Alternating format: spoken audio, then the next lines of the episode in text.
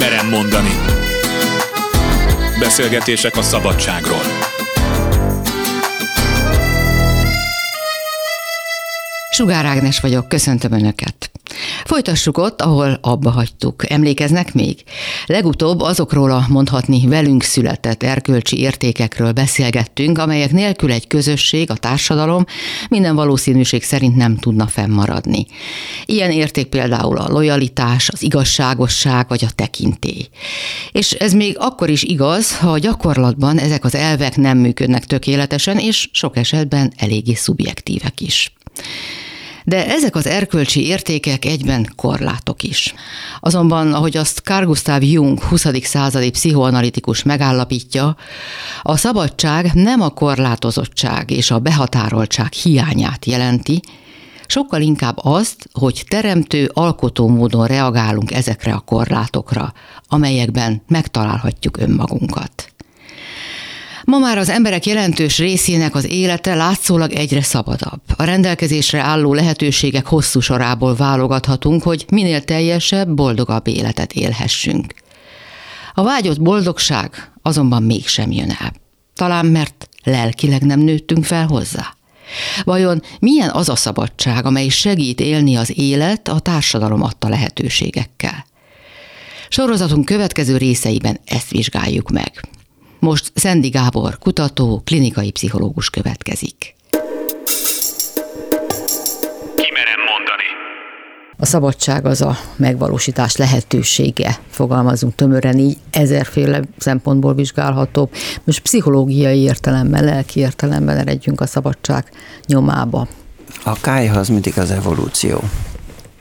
Tehát mindig onnan kell kiindulni, hiszen minden érzelmünk, minden gondolatunk, következtetési módunk, gondolkodási sémánk, az tulajdonképpen a paleolitikumban lényegében ott formálódott ki az agyunk, mint szerkezet vagy készülék. Maga a szabadság, hogy az, az pontosan mit is jelent nekünk, azt nem a jelenből tudjuk levezetni. Én azt mondanám, hogy ez szoros kapcsolatban áll az élet értelmével, mindenki e- kamaszkorában ezzel indít, és mindenki tulajdonképpen a jelenből akarja megérteni, hogy mi az ő életének az értelme. Hát ez értető mondjuk, hogy egy kamasz így gondolkodik, de tulajdonképpen egyrészt ugye azt lehet mondani, hogy az életnek valójában nincsen értelme, csak az ember képes értelmet adni neki, de az sem nem spekulatív módon adunk értelmet neki, hanem megint az evolúcióból kiindulva kell megkeresnünk a választ. Tehát a válasz készen van? A válasz készen van, tulajdonképpen Arisztotelész megfogalmazta az eudaimonia fogalmát. Ugye az EU az azt jelenti, hogy jó, a daimon az szellem. A görögök úgy gondolták, hogy mindenkinek van egy szelleme, jó esetben jó szelleme, ami őt irányítja, és hát ugye Platon írásaiból is kiderül, hogy Szokratésznek is volt egy, egy dajmonja, aki őt tanácsokkal látta el, de ugye egy Julian James nevű pszichológus megalkotta a kétkamarás tudat elméletét, mert hogy a, az Iliásznak a, az eredeti olvasatában, tehát még az ógörög olvasatában semmiféle lelki folyamatra utaló szó nincsen. Hm. És a mai szemmel végigolvassuk mondjuk az Iliászt, akkor azzal találkozunk, hogy amikor nagy döntések előtt állnak a hősök, akkor mindig megjelenik nekik mondjuk egy Isten. Hát már az egész úgy indul, hogy Párizsnak megígérik, hogy Helena lesz az ő felesége, de hát most ugye mai észre ezt úgy fordítanánk le, hogy volt ez a csávó, ez a Párizs, és fejébe vette, hogy ő megkaparintja a Helenát, és aztán végre is hajtotta a tervét. De ugye ez feltételezne olyan folyamatokat, hogy ül és gondolkodik, spekulál, töri a fejét, ezek ismeretlen fogalmak voltak, és a, a Jane szerint úgy nézett ki a korabeli görög ember, hogy a jobb féltekéjében megszólalt egy hang, és ez a hang fogalmazta meg a viselkedés tervet, hogy mit kéne csinálni, és ezt a balfélteke végrehajtotta. Ugye hanghallásos jelenségek ma is vannak, tehát a, a skizofréneknél ismert jelenség, hogy hangokat hallanak, meg parancsokat, állandó kommentárokat hallanak a saját fejükben, hol fölismerik a hangot, hol nem. De ki lehet mutatni, hogy a jobbféltekében a jobbféltekei beszédmező aktív a hanghalásos halucinációk során, és azt gondolják egyesek, én is, hogy a mai skizofrén az tulajdonképpen ógörög aggyal rendelkezik, és vannak is ilyen hanghalló csoportok, ahol megtanulják, hogy ne féljenek ezektől a hangoktól. Most visszatérve a, a görögökhöz, azért volt nekik annyi istenük, a Jane szerint, mert hogy ezeknek a hangoknak még nem csak istenek, hanem a alvilágból följöttek elhunyt rokonok is. Tehát lényegében az ógörög ember rengeteg lény vette körül, és különböző istenek, elhunyt személyek adtak neki tanácsokat.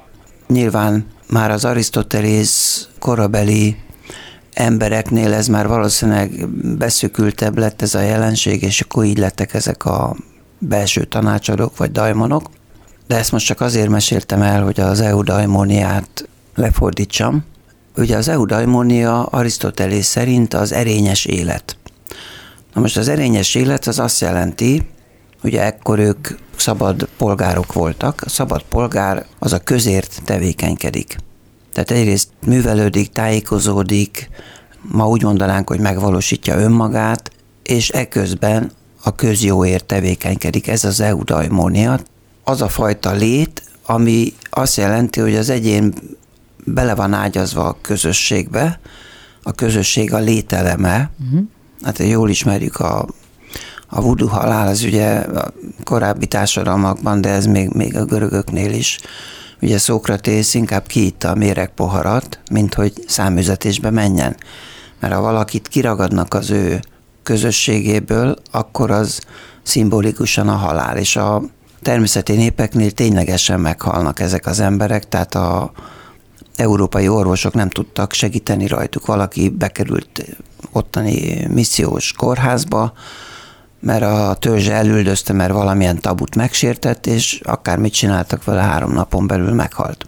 Hm. Na most ugye mai szemmel de most a, a mából indulunk ki, akkor az emberek többsége tulajdonképpen heteronóm életet él.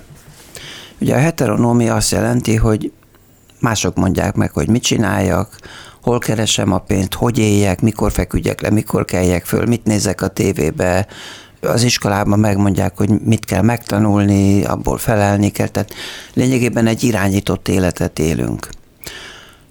Ezért nagyon sok ember elkezd küzdeni az autonómiájáért saját életemben is volt egy korszak, amikor, amikor már annyira autonóm voltam, hogy, hogy én csak otthon könyvet kötöttem, meg bicikliztem, meg, meg sportoltam, meg olvastam.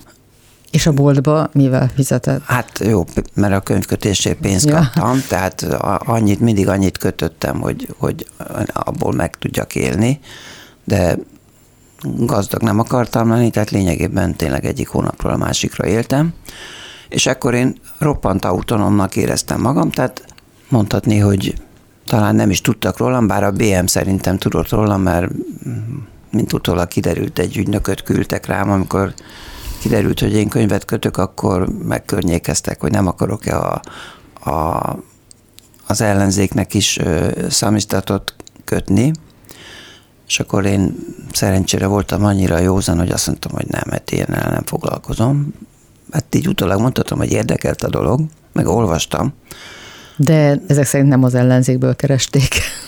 Nem. Utólag megtudtam, hogy az egy ügynök volt, az a barátunk is lett, és rendszeresen följárt hozzánk, és van egy regény, hogy is arról szólt, hogy Tolstoyra rászabadítanak két titkos ügynököt, de azok sose jutnak el. Jasznaja, Polja, azt hiszem ott élt Tolstoy, hanem a szomszéd faluból írták a jelentéseket állandóan, és hát valahogy utólag ezt gondoltam, hogy, hogy ez a ez a mi ügynökünk is írogatta a jelentéseket, de hát nyilván ártani nem akart nekünk, tehát akkor írta, hogy hogyan figyel meg minket, és milyen történések vannak, és ő rajtunk tartja a szemét, tehát nyilván, mert ezért ő valami pénzt kapott, meg ő is meg volt zsarolva, mert korábban diszidált, és visszatért Magyarországra, és akkor nyilván meg lett fogva. Na és akkor ez a fajta megélt szabadság, hol Igen. ért véget, és mivel ért véget? Hát ugye én elkezdtem akkor ö, pszichológiával foglalkozni, és aztán jelentkeztem a pszichológia szakra, és valahol elsőbe vagy másodikba volt egy kötelező olvasmányunk, egy Angyal nevű Amerikába szakadt magyar származású pszichológus írta azt a tanulmányt, és kifejtette, hogy mondjuk így, hogy a szaba, én így fordítom, a szabadság felé vezető út az abból áll, hogy leküzdjük a heteronómiát, autonomá válunk, és mint autonóm emberek rádöbbenünk arra, hogy hát lógunk a levegőbe. És én ez a bizonyos könyvkötős, biciklizős, futós életszakaszomban én lényegében a BM ügynökkel tartottam a kapcsolatot, meg a, az antikváriumokkal, akiknek kötöttem, hát egy ilyen nagyon beszükült életet éltem, és tőlem aztán lehetett ott szocializmus, lehetett volna kapitalizmus, bármi, én csak mint egy hm. társadalomtól függetlenül éltem. És a, az angyal szerint a homonómia a következő fokozat, amikor az ember ráébred arra, hogy neki társadalmi küldetése van. És ugye itt találkozik az eudaimónia, meg ez az angyalféle homonómia, amikor az ember rájön, hogy az ő életének csak azt tud értelmet adni, hogyha a többiekért valamilyen formában tevékenykedik. Ez nekem akkor óriási felismerés volt, mert rájöttem, hogy hát akkor én tulajdonképpen azért jelentkeztem a pszichológia szakra, az volt a motivációm, hogy én szeretnék majd másoknak segíteni. Csak én ezt nem fogalmaztam meg ilyen elvont módon, hogy ez az autonómia meghaladása tulajdonképpen. Uh-huh. Meg tulajdonképpen nem csak a görögökhöz kapcsolható, hanem a természeti népekhez. Tehát a természeti ember az ugye csoport nélkül nem létezett. Tehát egy, egy magányos vadász az erdőben előbb-utóbb megeszik a vadak. Vagy egy szomszéd törzs elfogja és az eszi meg, vagy fölnégyeli. Ugye a csoportszelekciónak szokták nevezni azt a folyamatot, amikor a, a törzsek közötti harc, vagy éppen a terület felosztása folyamatában, mondjuk így, hogy összekovácsolódik, hát persze itt most több százezer évekről beszélünk, összekovácsolódik a törzs, és a, a benne lévő egyedek értéke attól függ, hogy ők mennyire képesek azonosulni a törzsel. Ugye most mi individuumokba gondolkodunk, és elképzeljük, hogy mint ez választás kérdése lenne, hogy oda megyünk, azt hát nem is tudom, én, én nekem nem tetszik ez a törzsfőnök, meg, meg nem értek egyet a törzs. Ilyen nem volt. Tehát akkor az ember bele született egy törzsbe, és individuum nem is volt. Voltak persze egyéni érzések, meg gondolatok, de ő csak a törzsével együtt tudott létezni. És ez azt jelentette, hogy mindenkinek az volt a fontos, hogy a törzsben hasznos legyen, hogy ő elismert legyen, hogy őt értékelje a törzs többi tagja. Ebből kifolyólag mindenki arra törekedett, hogy a törzsnek hasznára váljon. Amit mi szerettünk mondani most a mai korban, a keleti népekre, főként a japánokra. Tehát, sokkal inkább közösségi emberek, mint individualisták. Igen. Ez megmaradt náluk ezek szerint. Hát most már nyilván ott is azért Nem, betört annyira. a igen, individualiz- igen. individualizáció, de, de legalábbis a, a régebbi száz évvel ezelőtt még így, így volt. Tehát akkor az lenne a célunk, hogy megtaláljuk azt az értelmet az életünkben, ami, amin keresztül úgy érezzük, hogy a közösség javára lehetünk. De ezt nem mindenki ismeri fel, nem is kell ahhoz így megfogalmazni, hogy felismerje valaki, de valaki odáig se jut el, hogy a közért tegye. Ha, ha most én a, a, a tőkésnek a hasznáért dolgozom, annyiban dolgozom a, a társadalomért, amennyiben a tőkés azért dolgozik. Hát most nyilván hát a tőkés se tud olyat csinálni, ami valahogy ne legyen hasznos, mert akkor senki nem fogja megvenni az ő termékét vagy szolgáltatását.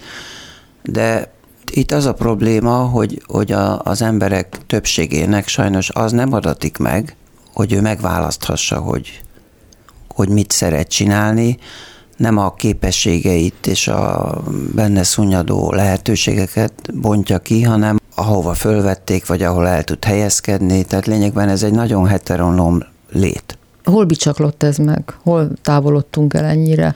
Hát végül is a munka megosztás. Kialakult egy bonyolult társadalom, amiben nagyon sokféle feladatot kell elvégezni. Azért lássuk be, hogy rengeteg olyan munka van, nem is tudom, Hát szóval, hogy, hogy azt nem lehet szeretni. Azt a fizetésért lehet csinálni, meg lehet alkudni, hogy hát nekem most ez jutott, és ezt fogom életem végéig csinálni. Egyszer olvastam is egy ilyen felmérést, hogy a, az emberek 60-70 százaléka utálja a munkáját. Hm. Ez meg is látszik, tehát hogyha nincs hajcsár, meg nincs, nincsenek fegyelmező eszközök, akkor az emberek, ha tehetik, nem, nem is csinálják a munkájukat. Igen. Tehát 10 százalék az, aki szereti, hát az nagyon, nagyon csekély. Így van, pedig hát az egyéni jól létünkhöz, a lelki értelememet jól létünkhöz nélkülözhetetlen, hogy értelmesnek érezzük az életünket. Hát igen, ugye a Viktor Frankl, az a logoterápia alapítója volt, ő, ő Auschwitzból visszatért pszichológus volt, és ő azt mondta, hogy az ember értelemkereső lény. Tehát ő azt gondolja, hogy az evés, meg az ivás, meg a többi alapvető létszükséglet, úgy az értelem keresése is hozzátartozik. Ő nem evolúciós pszichológiában gondolkodott, tehát tulajdonképpen pontosan azt mondja.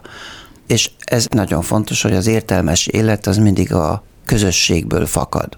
A boldogságról írtam egy könyvet, és abba megint csak abból indultam ki, hogyha létezik ilyen érzelem, akkor ez evolúciósan kellett kialakulni. Ha visszamegyünk, hogy most akkor mi a boldogság fogalma a természeti embernek, mert a hedonizmus az egy más, az élvezetek hajszolása, abba ki szoktak égni az emberek, az a jutalmazó központnak egy primitív ingerlése végül is. A baj az, hogy a tömegek számára marad a hedonizmus. Az újabb és újabb ö, termékekkel való kecsegtetés, meg a, a, a pénzt ugye át lehet váltani mindennapi örömökre, hát végül is ezzel működteti a fogyasztói társadalom az embereket.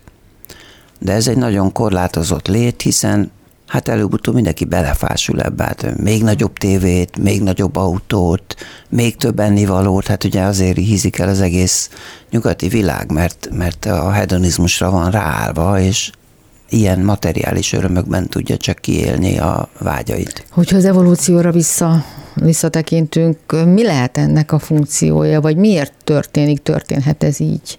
Miért e felé megyünk? Hát ugye a társadalmi evolúció az, az mindig az érdekek mozgatják, és hát mindenképpen van, egy, van ebben egy ilyen mm, vakvégzet. Tehát, hogy lényegében ha csinálunk egy rendszert, amit az emberi érdekek, az egyéni érdekek mozgatnak, ezt mondjuk modelláljuk, akkor ez fog kijönni, ami ma van. És a mai napig is ez működteti tovább, tehát ugye írtam is egy ilyen cikket, azóta címe, hogy állítsák meg a fejlődést, ki akarok szállni. És ennek az, az utolsó mondata úgy szól, hogy most már a fejlődés önmagáért van, és hát tényleg erről van szó, most sok millió ember a világon ebben a pillanatban is azon ügyködik, hogy ő kitaláljon valami újat, amit majd el lehet adni. És sok millió, sok százmillió ember pedig arra vár, hogy jöjjön valami új, most gondoljunk a elektronikus kütyükre, elképesztő fejlődés van pár év alatt is, és akkor a kütyűrajongók rávetik magukat, és megveszik, és akkor az illető ezen meggazdagszik, és akkor jön egy következő generáció, és ők is ki akarnak találni valamit, és tulajdonképpen ezért megállíthatatlan a fejlődés, csak ennek nem biztos, hogy van értelme. Hm. Minek lenne értelme? Tudom, hogy hipotetikus és nagyon nehéz a megvalósításban gondolkodni, hát- de hát visszafelé sem léphetünk. Na de most remek elveink vannak. Az volna a cél, hogy minél több ember eudaimonikus életet élhessen. Tehát minél több ember a heteronómiából át tudjon lépni az autonómiába, majd onnan a homonómiába. Ugye a természeti népekhez visszatérve ebben a boldogság könyvemben idézek már nem tudom, a kecsuákat vagy kiket, ők mondják azt, hogy amikor erre a világra születünk, akkor bennünk rejlenek képességek. Ezek egyszerre adományok is és kötelességek is. Tehát ők úgy fogják föl, hogyha ha bennem valami ott rejlik, aminek ki kell bontakozni, akkor nekem kutya kötelességem azt a közérdekében ki is bontakoztatni, és ha nem ezt teszem, mondják ők, akkor megbetegszünk és meghalunk. És hát tulajdonképpen ez mai nyelvre lefordítva, ez a megkeseredett ember, aki kábítószer fogyasztásba, alkoholba, kicsampongásba öli magát. Kimerem mondani. A szabadság meglehetősen bonyolult fogalom. Beszélhetünk róla a bölcselet valamennyi oldaláról, így ismeretelméleti, történelmi, esztétikai, vallási, politikai értelemben is még sorolhatnám. Beszélhetünk róla az egyén és a társadalom szempontjából is. Az egyik leggyakrabban vizsgált terület a szabad akarat kérdése, vagyis hogy hatalmunkban áll-e cselekedeteink, gondolataink irányítása, vagy inkább külső tényezők határoznak meg minket. És mit jelent a szabadság lelki értelemben? Majer Máté, család- és párterapeuta. Erre két módon tudok válaszolni. Egyrészt szerintem akkor vagyok szabad bármivel kapcsolatban, hogyha arra az adott dologra tudok igent, meg tudok nemet is mondani. Ha csak igent tudok rá mondani, akkor valószínűleg függő vagyok az adott dologtól. Ha meg csak nemet tudok rá mondani, akkor pedig dacolok, mint egy dackorszakos gyerek vagy egy lázadó kamasz. Min múlik, hogy igent vagy nemet mondok egy szabad ember esetén? Az már az egyéni döntés, meg az értékválasztások, illetve az adott helyzet mérlegelése. Mert hogyha megvan a szabadságom igent és nemet is mondani, akkor az adott kérdéssel kapcsolatban lelki értelemben szabad vagyok. Mondjuk mondhatok igent vagy nemet is egy lánykérésre nőként. Akkor én ebben a kérdésben szabad vagyok. Ha csak nemet tudok rámondani, akkor nem vagyok szabad, és ha csak igent tudok rámondani, akkor sem. Hát, ha csak igen tudok mondani, akkor lehet, hogy szerelmes vagyok, nem? De ott van bennem a lehetőség, hogy nemet mondjak. Bontsuk ki a lehetőséget, mondjuk beszéljünk egy olyan lányról, aki boldog örömmel mond igent a lánykérésre. Miért mondana nemet? Megfontolhatja, ha el sem tudja képzelni, hogy ő ezt megfontolhatná, akkor ő egy függő helyzetben van ebben a kapcsolatban attól a pártól, aki őt feleségül, vagy legalábbis egyesnek kéri, hmm. hogyha ezt legalább megengedi a lehetőségét, hogy megfontolja a nemet, hogyha szabad ilyet megfontolni, akkor valószínűleg nincsen ilyen függő, vagy szakmailag a dependens helyzetben. Persze lehet olyan helyzet, hogy az ember szeretné is, mégis számos érv szól ellene, vagy legalábbis megfontolásra int. Igen. A másik értelemben a szabadság az pszichológiai megközelítésben az pedig az, hogy mi az, ami hatalmamban áll, hogy én megtehetem, tehát mi az én szabadságom, meddig ér az én idézőjelbe kezem, és mi az, ami már nem az én szabadságom, amire nekem már közvetlenül nincsen befolyásom. Mit jelent a gondolati szabadság, az érzelmi szabadság, az akarati szabadság? Tudom, hogy mindegyik nagyon messzire visz, de mégis egyfajta belső működésnek a szabadságát jelenti az például az én szabadságom, hogyha valaki hozzám szól, azt én hogyan értelmezem. És az is az én szabadságom, hogy erre hogyan fogok reagálni. Hogyha ennek hatására bennem valamilyen érzés kiváltódik, az ugye az akaratomon kívül esik, mert ez automatikus, de hogy én mit kezdek ezzel az érzéssel, az már az én szabadságom. De hogy mondjuk a világ merre megy, az már nem az én szabadságom, arra már nincs közvetlen ráhatásom. Azt bonthatom le, hogy ebből mi az, ami az én hatóköröm, mi az, ami az én hatóerőm, és mi az, ami már nem.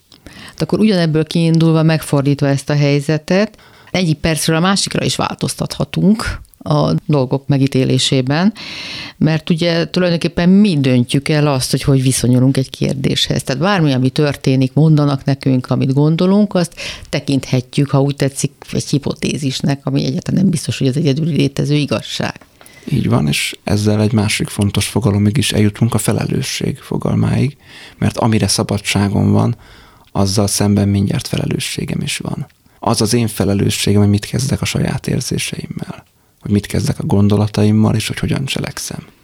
Hogy a másik ember érzéseivel a másik ember mit kezd, arra nekem nincsen felelősségem, hogy ő gondolataival mit kezd, vagy a cselekedeteit hogyan formálja, arra nekem nincsen felelősségem. Erich Fromm beszél ugye a pozitív meg a negatív szabadságról. A pozitív szabadság egyértelmű, az a választás szabadsága, a jogosultság.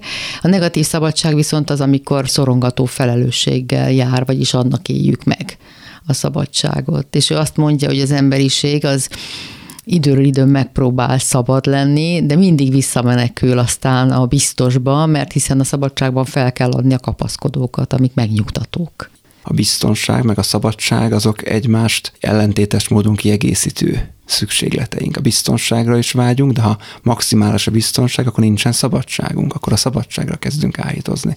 Ha maximális a szabadságunk, akkor nincsen semmi biztonság, akkor minden nagyon bizonytalan körülöttünk, akkor meg a biztonságra kezdünk nagyon vágyakozni.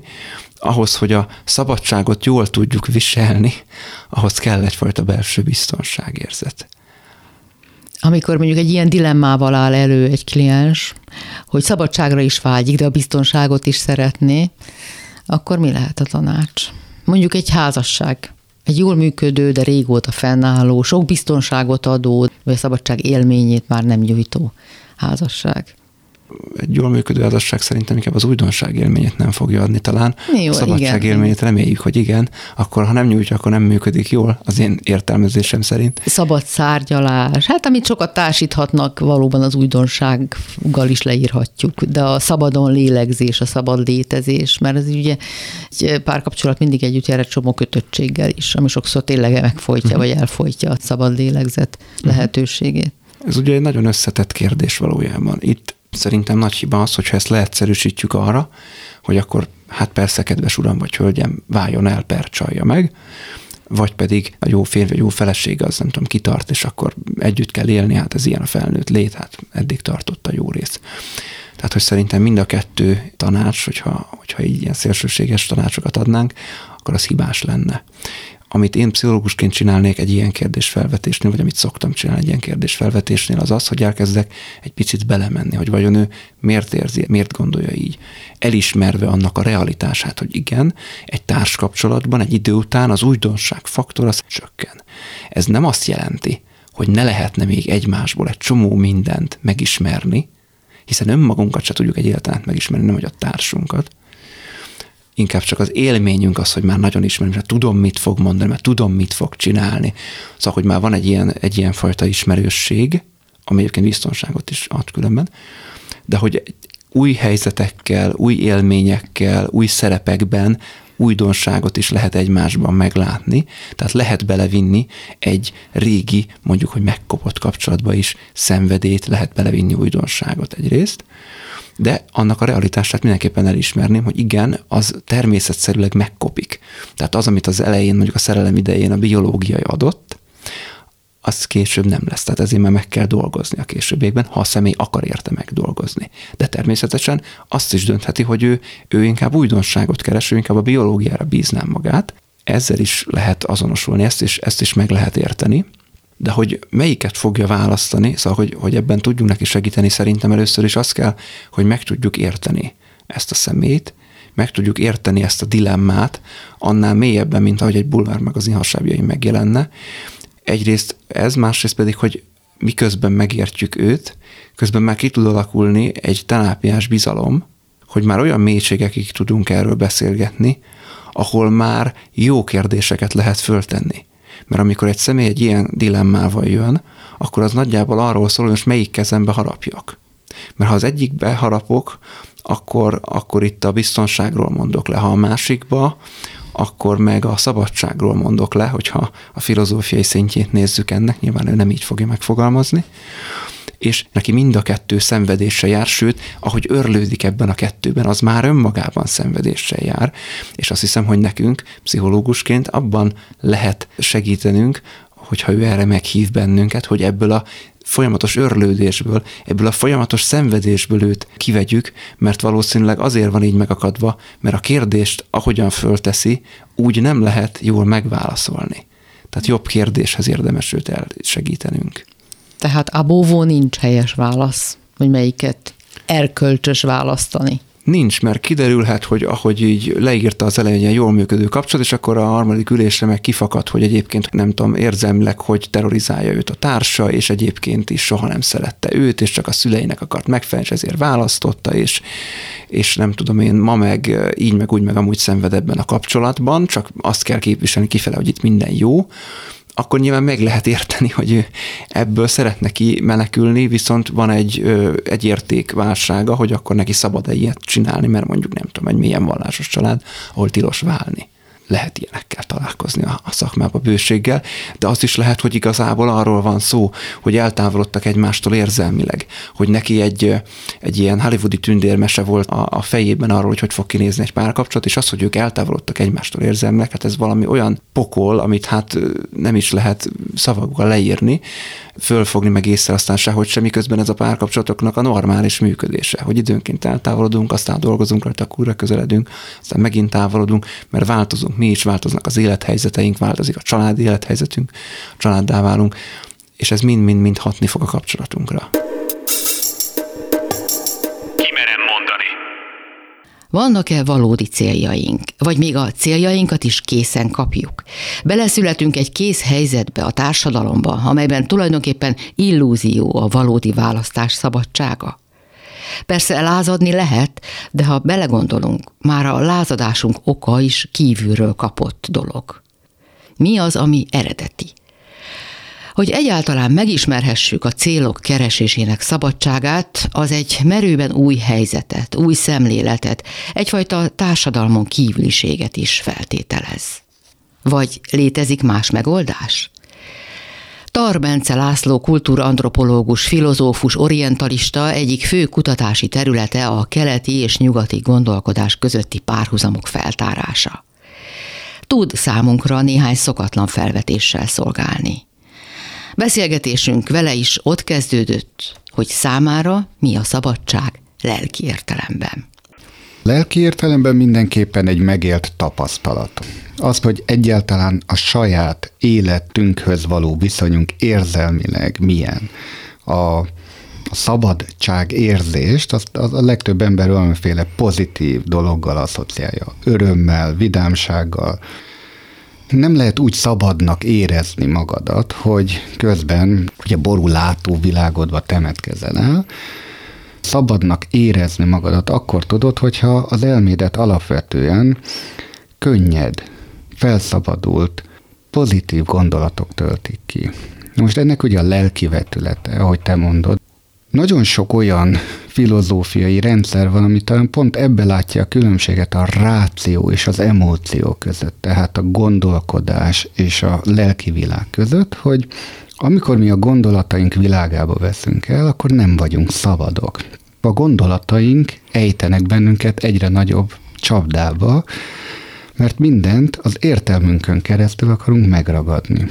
Tehát például, csak hogy ezt lefordítsam, egy helyzet, amiben vagyunk, például, hogy mi most beszélgetünk itt a stúdióban, a gondolataink tükrében megjelenik nagyon sokféle módon, gondolhatunk róla bármit, nyilván az elvárásaink tükrében fogjuk értelmezni ilyennek meg olyannak, és ne adj Isten valamiféle negatív gondolati keretben nézzük ezt a helyzetet, akkor negatív érzéseket fog bennünk szülni. Félelmet, szorongást, aggodalmat, izgalmat esetleg.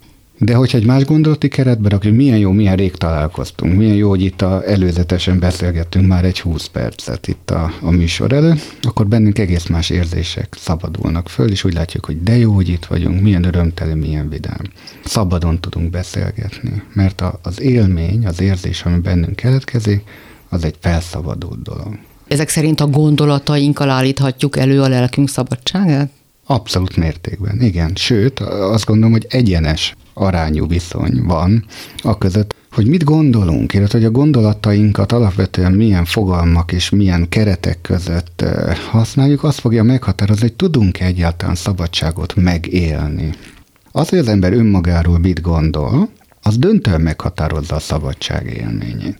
Az az ember, aki úgy kell föl egy reggel, hogy neki mit kell csinálnia, és van egy ilyen elvárás listája, és mindenkinek van. Meg kell borotválkoznom, fogad kell mosnom, meg kell a reggeli kávémat, fel kell öltözködnöm, el kell indulnom. Ráadásul ehhez még valami időrendet is sorol, és egy időbeli korlátot. És az az ember már a ébredés pillanatától nem szabad. Semmiféle szabadságot nem él meg, és ezért van az, hogy az emberek merem állítani, hogy 90%-a már reggel rabszolgának érzi magát, amikor felébred. Egy olyan világba ébred bele, ahol külső elvárások végtelen sokasságának próbál megfelelni az ébredés pillanatától kezdve. Nagyon kevés ember mer például úgy felébredni, hogy akkor ébred, amikor ébred. Nem egy ébresztő órára, nem időre kell, hanem amikor a saját szervezete ezt diktálja. És amikor kinyitja a szemét, nincs rögtön a fejében egy program, ami elindulna, hogy mit is kell aznap csinálni, hanem esetleg ott időzik. és ebben az időzésben, ebben a szabad időben hagyja, hogy ne kívülről, van külső világból érkezzenek az első gondolatok, hogy mit kell tenni, vagy mi a hasznos, mi a követendő példa, hanem egy belső világból mi ébred. Hadd fordítsam mindjárt vissza ezt, hiszen te is apa vagy, felneveltél néhány gyermeket, tehát voltak a külső világnak elvárásai a jövedelem, a forrás keresésen túl is, tehát a gyerekekről gondoskodni kellett, a napi rendet táplálni kellett, hiszen ezt várta el a környezet. Tehát rögtön azt mondja, aki ezt hallgatja, hogy de hát ki időmilliómos, ki az, aki ezt megengedheti magának. Tehát akkor működik az életem, akkor tudok megélni, hogyha ezeket minden nap végigviszem. Ez így igaz, valóban én is három gyermeket neveltem föl, és nyilván ott van egy olyan külső kontroll, hogy az iskolának a tanítási rendje az mondjuk reggel 8 órakor kezdődik, amire illik beérni. Gyerekeim nagyon érdekes módon ugye hozzák azt a programot, hogy hozták a iskolából, hogy késni nem lehet. Most az első dolog, és akkor most rögtön tudom, hogy a hallgatók majd itt vitatkozni fognak ezzel, amivel rögtön első általános iskolás koruk óta szembesítettük őket, hogy de, lehet késni. És a világ nem bomlik föl, és nem borul fel, ha valaki késik az iskolából, ne adj Isten, nem ér oda az első órára, vagy egyáltalán nem megy be az iskolába. Sőt, ezt gyakoroltattuk is a gyermekeinkkel, hogy nem indultunk el időbe, és direkt elkéstünk. Azért, hogy megélhessék annak a szabadságát, hogy lehet más módon is ezekben a helyzetekben jelen lenni, és ez nem, nem egy olyan külső kényszer, amin a világ dolgai valójában múlnak. És milyen érdekes az, hogy a legtöbb ember, aki ugye nem ezt a nevelést kapja, hanem azt a korlátot, hogy késni nem lehet. Hogyha te elkésed, nem tudom én, mi történik, akkor beírnak az ellenőrződbe, vagy kapsz egy igazolatlan órát, vagy mi a félelem tárgya? Például x számú igazolatlan óra után eltávolítanak az iskolából. Pontosan. Na és akkor ez, ez a második lépés, hogy megtanulni a helyes mértéket. Tehát attól, hogy mi késünk az iskolába, attól, hogy, hogy szándékosan nem megyünk be. Például ma nem megyünk iskolába. De nem tudom, én ilyen-olyan dolgozaton, és akkor lemaradok. És akkor igen, ezt is tanuljuk meg, mi van, akkor lemaradsz egy dolgozat, ha nem írod meg, hogy mi van, ha majd ezt bepótlod.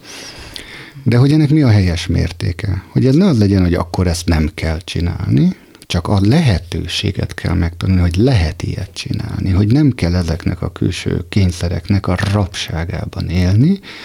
Na ez szabadította fel például mi gyerekeinkben azt a teljesen egészséges, harmonikus egyensúlyt, hogy ők kialakították magukban azt, amit úgy hívunk filozófiailag, hogy a helyes mérték. Az a jó értelme vett egészséges közép, hogy senki nem stresszel azon, hogy mikor indul, elindul-e, ha esetleg nem írod, akkor mi történik, és szépen lassan beállt mindenkinek a maga rendje, és el tudta dönteni, mikor fontos neki időben indulni, mikor kevésbé fontos, mikor késhet, mikor nem. És akkor itt jön az a gondolkodási keret, az a kognitív séma, hogy mi azt feltételezzük nagyon sokszor, emberek, hogyha mi szabadságot adunk valakinek, akkor az a szabadsággal nem élni, hanem visszaélni fognak. Sok szülő így gondol a gyerekére is, hogy a gyerekei nem élnek a szabadsággal, hanem visszaélnek ezzel. Az én személyes tapasztalatom, mint gyakorló szülő is, most már két nagyobbik fiam felnőtt korú, tehát 18 éves elmúlt, egyikük egyetemre jár, másik most érettségizik majd, soha nem élt vissza ezzel a szabadsággal. De nem valamilyennek születünk? Tehát azért lehetnek könnyebb esetek is, és nehezebb esetek is. Gyereke válogatja. Jó, persze a környezet is meghatározó meg, hogy valóban milyen stressz helyzeteket él meg gyerekként, de azért mégiscsak hozunk valamilyen habitust, tehát hogyha valaki félénkebb vagy gátoltabb például, akkor lehet, hogy hajlamosabb kihúzni magát a megmérettetések alól, és élni a lehetőséggel, hogy most sem, meg most sem, meg aztán sem megyek nehéz helyzetek elébe, hogy hogy tényleg mennyiféleképpen reagálhatunk. Tehát nem rossz szándékból, hanem mert, mert olyanok vagyunk, amilyenek. Igen. Teljesen egyetértek, hogy különbözők, nálunk is három gyerek, két fiú, egy lány, teljesen eltérő karakterek, teljesen más a személyiség szerkezetük, pedig ugyanazt a nevelést kapták, mégis máshogy reagálnak ugyanazokra a helyzetekre. A legnagyobbik fiam borzasztóan szereti a nehéz helyzeteket. Ő egy küzdő típus, ő egy versenyző alkat. Ő szereti a kihívásokat, ő a, a nehéz helyzetekbe inkább minden nagyobb erőfeszítéssel bele helyezi magát. Ehhez képest a második fiam, az annak a totál ellenkezője, ő a nehéz helyzeteket nem szereti, szívesen kimarad belőlük, ezeket könnyen elkerüli. És az az érdekes, hogy mind a kettő teljesen rendben van. A szabadságukban áll az egyiknek küzdeni a dolgokért, a másiknak meg feladni azokat. És itt jön ugye az a, megint ha már gyakorló szülői szemszögből beszélünk most a gyerekek szabadságáról, ugye erre terelődött a szó, egy gyerek miért ne lehetne olyan, és ez egy nagyon érdekes, mi bajunk van azzal szülőként, ha a gyerekünk nem egy küzdő típus. Ha szereti könnyebb végén megfogni a dolgokat, ha szereti elkerülni a nehézségeket. Miért kell nekünk őt a nehéz útra terelni? Miért kell őt belekényszeríteni olyan helyzetekbe, ahol neki küzdeni kell? én nem én vagyok a pszichológus a mi családunkban, az én feleségem az, aki egyébként klinikai gyermekpszichológus, tehát szakmabeli, és majd lehet vitatni ezeket a nevelési elveket akár szakmai alapon is, de ő is meggyőződés az, hogy nem ugyanaz a nevelési mód az, amivel a gyerekeinket kezelni kell, hanem nagyon is differenciált módon kell kezelni amiben az egyik gyereknek kevesebb szabadságot kell adni, egy másiknak sokkal többet, hiszen teljesen más lelki alkatok. Hát ehhez viszont az kell, hogy magunkkal is nagyon rendben legyünk. Tehát ahhoz, hogy mi jól súlyozzunk a gyerekeink esetében, vagy akár a felnőtt társaink esetében, legyen ez egy munkahely, vagy egy baráti közösség, vagy a család, ahhoz az kell, hogy mi rendben legyünk, tehát megint csak oda lyukadunk ki, hogy minden rajtunk kezdődik. Tehát akkor maradjunk, térjünk vissza a saját magunkhoz. Mit szólsz ahhoz az elgondoláshoz? Minden csak azon múlik, hogy milyen szemszögből nézünk rá egy helyzetre. Tehát, hogy akár ebben a pillanatban is elengedhetjük azt, amit mi gondolunk valamiről, és ami esetleg félelmet vagy szorongást kelt bennünk, vagy a szabadság elvesztését a szabadsághoz vezető út az tényleg az önismerettel kezdődik. Tehát annélkül, hogy én tudnám önmagamról, hogy minek a rabja vagyok, vagy mi egy rabságba, úgy nem fogok tudni szabadon viselkedni. Hogy egy helyzetet hogyan értékelek, hogy szabadon nyúlok-e ahhoz a helyzethez, vagy pedig rögtön valamiféle mintát, viselkedési mintát, egy kognitív sémát követek, csak akkor tudok igazából szabadon viselkedni, ha tudom, hogy a fejemben milyen sémák azok, amelyek éppen hajlamosítanak engem valamilyen viselkedésmódra. Tehát mi az a minta, amit követek? A legtöbb ember nem is akar erről tudomást venni, nem is akarja azt tudatosítani, hogy ő tulajdonképpen csak minta követő. Vannak pszichológiai irányzatok, az úgynevezett behaviorizmus, ami azt állítja, hogy mi semmi más nem csinálunk, a viselkedésünk 90%-a pusztán utánzás. Eleve általunk látott és jónak vélt és tartott mintáknak a ismételgetése, követése. Nem szabadon cselekszünk. Nem is mérlegelünk szabadon. Fel se merül bennünk, hogy szabadon dönthetnénk, vagy mérlegelhetnénk, hanem egyszerűen rögtön ezekhez a sémákhoz nyúlunk. Provokatív módon most itt vagyunk a stúdióban egymással szemben, ha azt mondanám, hogy kérlek, vedd le a ruhádat akkor az első dolog, ami most látom a mosolyt az arcodon, tehát ami, ami rögtön így a, a, arcodra van írva, hogy hát ez megőrült, ez képtelenséget, biztos, hogy nem. Ugye itt látszik, hogy nem is tudunk szabadon reagálni erre a kérdésre, vagy egyáltalán szabadon viszonyulni egy ilyen felvetésre, mert rögtön azok a sémák jönnek, hogy ez helytelen, ez nem helyén való, ez miért jön ide. A minták ezrei torulnak a fejünkben, és szomorú ezt mondani, de a legtöbb ember nem szabad gondolkodó. Hiába gondolja azt, hogy ő szabadon variálja ezeket a sémákat, ettől ő még csak viselkedési mintákat, szokásrendeket, gondolati struktúrákat variál, az persze szabadon variálja, de a készlet, amiből variálja ezeket, az nem szabad. Az egy előreadó dolog. Az olyan, mint egy építőjáték, kocka halmaz, ami van 20 kocka, lehet belőle építeni mindenfélét, várakat, tornyokat, épületeket, ezt azt, de nem akármit, csak azt, amit a kockák megengednek. A legtöbb ember ilyen értelemben szabadon játszik ezzel a játékkészlettel, a kocka készlettel, abból sok mindent föl tud építeni, de nem akármit és főleg nem szabadon. Nem lehet, hogy itt vannak a határaink? Tehát azért vagyunk emberek, azért vagyunk ilyenek, azért lett ilyen a társadalmunk, mert erre vagyunk képesek ezeket a sémákat variálgatni. Tehát minden más az inkább csak egy kísérletet, ettől való elrugaszkodást, és igazság szerint ebben áll a szabadságunk. Aki még erre sem képes, az, aki igazából alávetett. Így van, aki igazán a levetet még erre se képes, hogy ezt szabadon variálja, az gyakorlatilag rögtön egy építési útmutatót keres, hogy akkor mit kell ebből építeni? Mit kéne nekem ebben a helyzetben felépítenem ezekből? És tényleg keresi azokat a leírásokat, hogy mi alapján kéne akkor ebben a szituációban reagálni, és hogy viselkedjen, milyen mintákat kövessen, tehát még ebben sem szabad. De hangsúlyozom azt, hogy az, hogy ezek a kognitív elemekből adott viselkedés minták, és ezeknek a készletei így alakultak ki, és mi ezeket variáljuk, az persze nem véletlen, hogy te is mondod. Így hoztuk létre a mi társadalmunkat, és a kultúránkat, és a civilizációnk ilyen készletekre épül. De nagyon érdekes, hogy minden ember sorsába bizonyítható módon bele van kódolva valahol egy olyan krízis helyzet, amikor ráébred arra, hogy ezekből az elemekből való felépített élete, szerepszemélyisége, az, akit ő magának gondol, az szűk és korlátos és kevés. És hogy ő ennél sokkal több és sokkal szabadabb, csak nem tudja, hogy igazából mi feszíti, mi zavarja abban, hogy csak ilyen mintakövető, hogy ő lemásolta anyukája életét, lemásolta apukája életét, lemásolta társadalmi elvárásokat, férj lett, anya lett, tudom én, apa lett, gyerekeket nevelt, karriert épített, munkát, követte azokat a társadalmi mintákat, amelyek teljesen normális elemei a mi társadalmunknak, hogy mégse hozza ezt a kielégülést és akkor szabaddá akar lenni. És most ugye ez a rosszul értelmezett szabadság, amikor ilyenkor mindezeket eldobja magára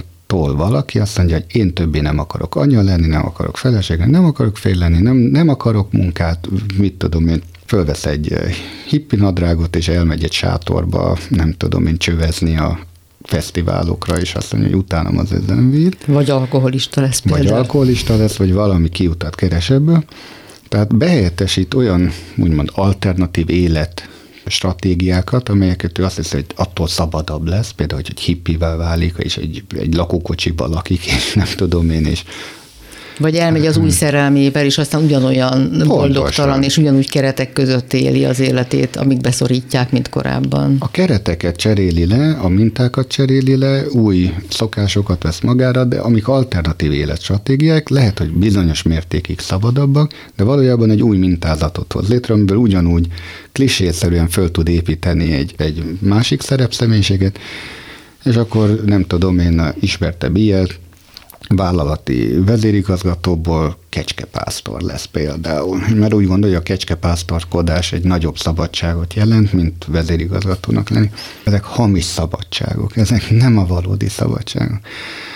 A valódi szabadság, és ez egy nagyon érdekes fordulat, és remélem, hogy tudunk ebbe az irányba menni a beszélgetésbe, az annak a feladása egy pillanatra, hogy bármit is kéne csinálni, hogy bármivé is kéne válni, hogy bármilyen szerepet is föl kéne venni, a legtöbb ember nem áll meg, és meg se nézi azt, hogy valójában igazából benne mi van, hanem mindig kint keresi a követendő mintákat, és kint keresi a szabadságra való példákat, hogy ki az, aki szabadabb. Egy kosztarikai szörfparadacsomba szörföző, nem tudom én, bermuda nadrágos napbarnította, nem tudom, az biztos szabadabb életet él, mint az az irodista, aki minden nap bemegy, és nem tudom, egy számítógép előtt tölt 8 órát. Valóban? Mi mondatja ezt velünk? Azért, mert az a külső kép, ami a fejünkben azzal asszociálódik, az szabadabbnak látszik. Tehát mi ruházzuk fel azt a szabadságérzésével. El tudom képzelni, hogy az a szörfös minden reggel fölébred, és az mondja, ah, már megint szörfölni már megint föl kell arra hullámra. Na tehát akkor tereljük a fránya anyagiakra a szót, mert hiszen rögtön az az érve mindenkinek, és miből fogok megélni, ha olyan szabad vagyok, hogy minden reggel a saját impulzusaimat követem, és nem azt az előírást, ami aztán a fizetésemet hozza. Hát ez a történet kezdete, nem a vége. Tehát ez az első lépés. Tehát sokan azért nem mernek erre az útra rálépni, vagy el sem mernek indulni, tehát az első lépésnél már megtartanak, mert azt mondják, hogy nem látom, hogy ez hova vezet. Ez biztos nem vezet sehová.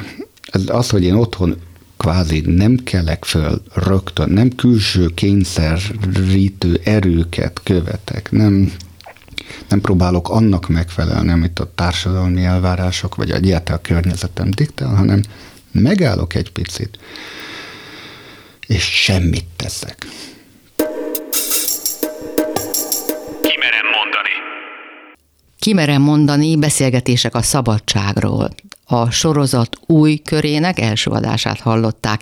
Innen folytatjuk egy hét múlva. Köszönöm figyelmüket, Rózsahegyi Gábor és Budai Márton kollégáim nevében is. Sugár Ágnest hallották. Kimerem mondani. Beszélgetések a szabadságról.